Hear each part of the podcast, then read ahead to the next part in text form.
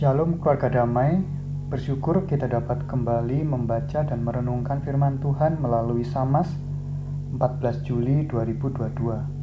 Sebelum merenungkan firman Tuhan, mari kita berdoa. Tuhan terima kasih atas kasih dan rahmat-Mu.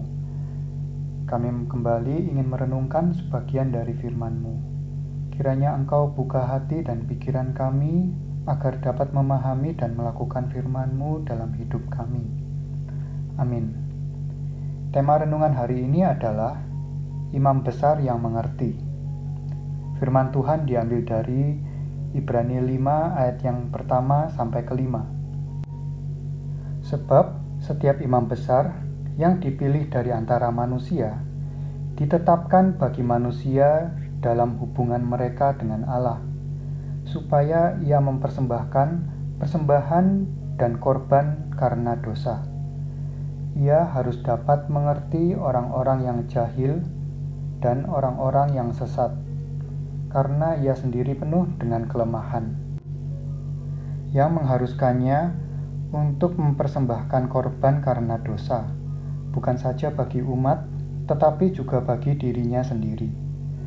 Dan tidak seorang pun yang mengambil kehormatan itu bagi dirinya sendiri, tetapi dipanggil untuk itu oleh Allah seperti yang telah terjadi dengan Harun.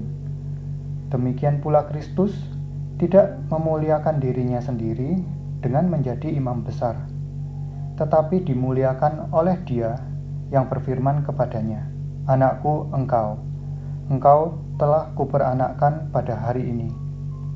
Demikian firman Tuhan.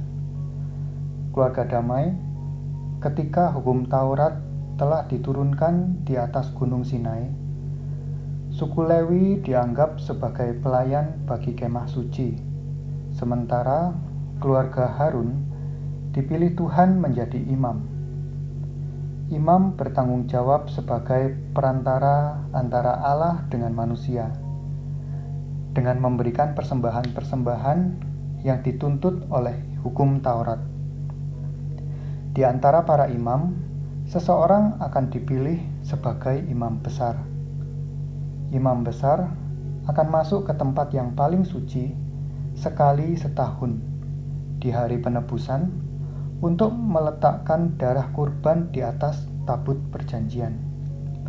Dengan melakukan pengorbanan harian dan tahunan, dosa manusia secara sementara dihapuskan.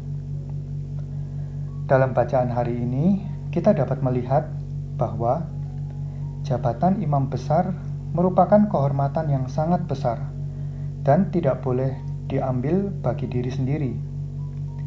Imam besar adalah manusia pilihan yang dipilih oleh Allah sendiri sebagai perwakilan manusia di hadapan Allah dalam memberikan persembahan dan kurban penghapusan dosa. Seorang imam besar juga manusia yang memiliki banyak kelemahan sehingga dia bisa memahami keadaan dan berbagi rasa dengan orang-orang yang jahil dan orang-orang yang sesat.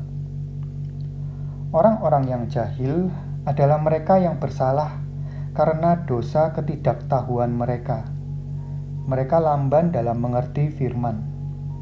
Seorang imam besar harus memiliki kasih bagi mereka dan bersedia mengajari mereka yang lamban mengerti. Sedangkan orang-orang yang sesat adalah orang-orang yang menyimpang dari kebenaran. Mereka tahu yang benar, tapi tidak melakukannya.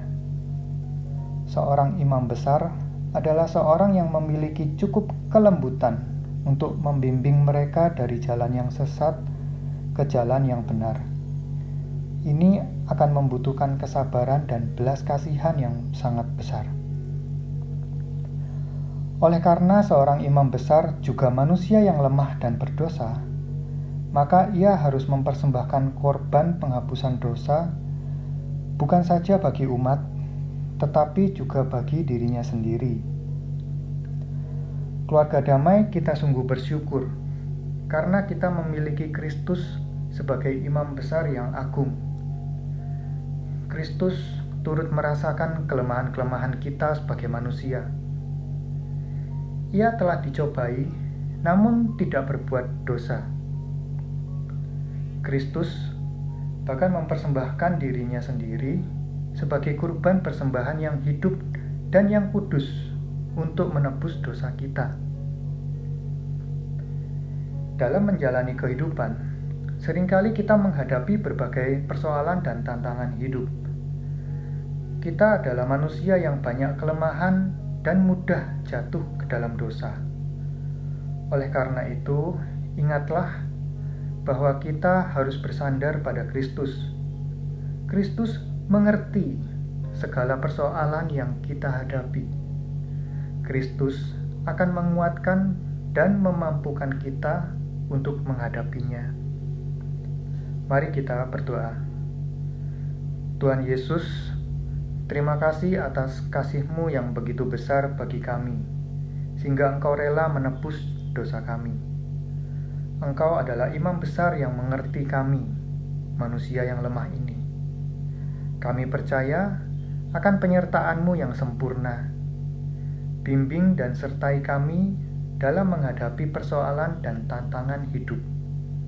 Terima kasih, Tuhan. Amin.